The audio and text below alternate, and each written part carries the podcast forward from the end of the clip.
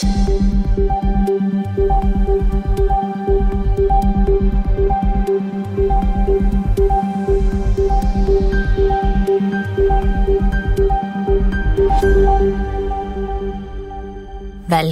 til Krimnytt, en helt ny podkast til deg som elsker å følge med på saker. Og hver uke tar jeg opp tre aktuelle saker som du får høre om her. Noen ganger så er disse sakene knytta til Krimprat med Lise og Fiona, kanskje det er oppdateringer der, men som regel er det aktuelle saker som rører seg rundt omkring i både Norge og resten av verden. Vi skal begynne med den kjente skuespilleren Alex Baldwin.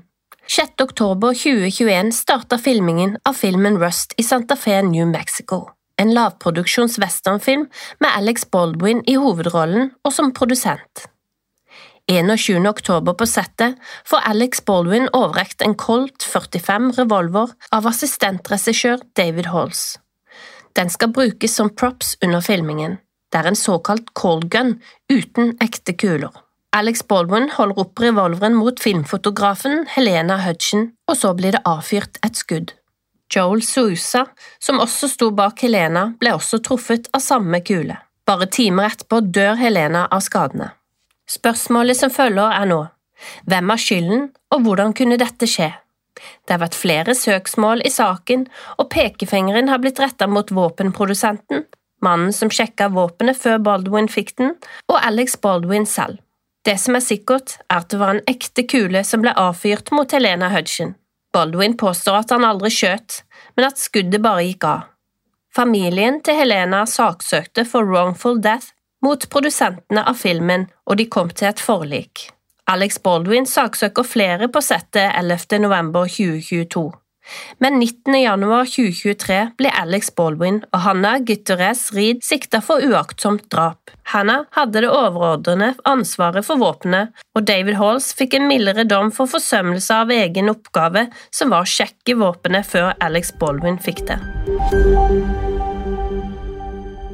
Så skal vi til Sverige, der 21 år gamle Tove ble drept. 15. oktober 2022 forsvant 21 år gamle Tove etter en kveld ute i Vetlanda, Sverige. Da ingen klarte å få tak i henne, ble hun meldt savna. Mandagen etter ble to av Toves venninner pågrepet mistenkt for bortføring. Den ene av venninnene innrømma at de hadde hatt en krangel, men at de løste opp i det før Tove forsvant. Tove ble sett forlate utestedet med sykkelen sin og den ene venninna. VG rapporterte at sykkelen ble funnet låst ved en adresse i Vetlanda. Politiet sikra seg telefonspor og også overvåkningsbilder.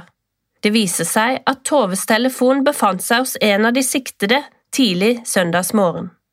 Dette førte blant annet til en siktelse mot de to venninnene. 2. november 2022 ble Tove funnet. Hun ble funnet i et skogholt like utenfor Vetlanda, og politiet går ut med at dødsårsaken enda ikke er fastslått. Det går så to måneder før det kommer noe nytt i media.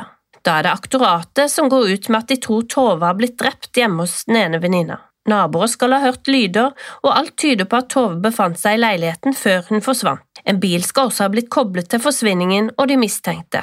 10. januar 2023 rapporterer VG at den 20 år gamle sikta venninnen erkjenner at Tove døde i leiligheten etter mishandling. Det skal ikke ha vært meningen å drepe Tove, men at det hele var et uhell. Til slutt tar vi turen til USA og forsvinningen av Anna Walsh. Første nyttårsdag 2023 forsvant 39 år gamle Anna Walsh etter at hun angivelig skulle på en jobbtur. Anna er gift med Brian Walsh, og sammen har de tre små barn. Etter nyttårsmiddagen fortalte Brian at kona skulle fly til Washington DC på en jobbtur, men det er ingenting som tyder på at Anna kom seg til flyplassen. Det ble igangsatt søk etter Anna, og ikke lenge etter skjedde det noe uventa.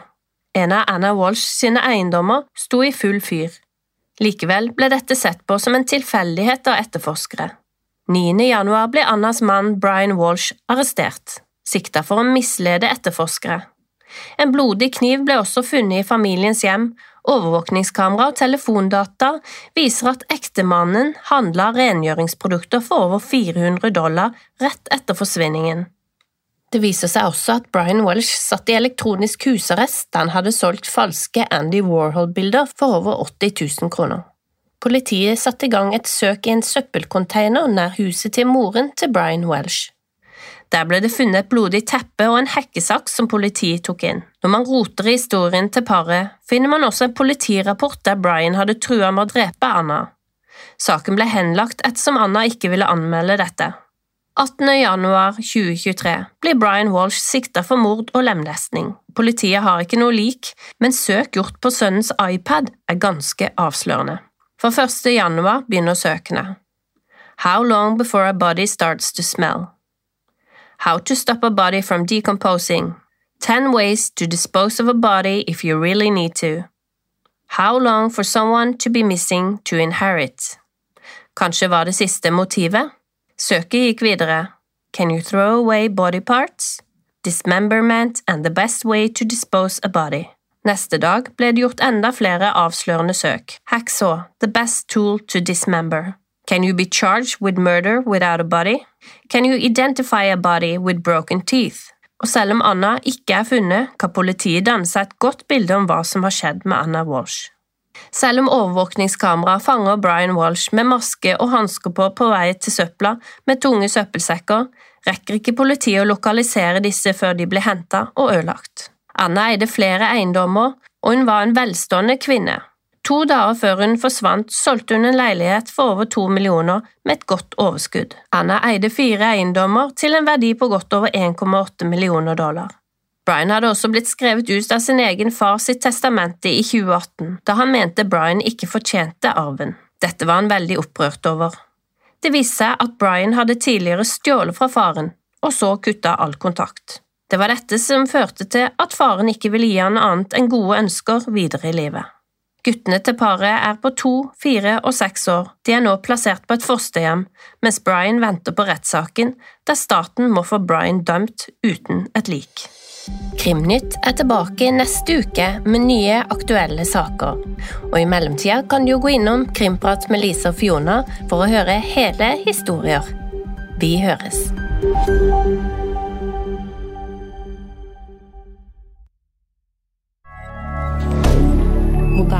Media. Har du et enkeltpersonforetak eller en liten bedrift? Da er du sikkert lei av å høre meg snakke om hvor enkelt det er med kvitteringer og bilag i fiken, så vi eh, gir oss her, vi. Fordi vi liker enkelt. Fiken superenkelt regnskap.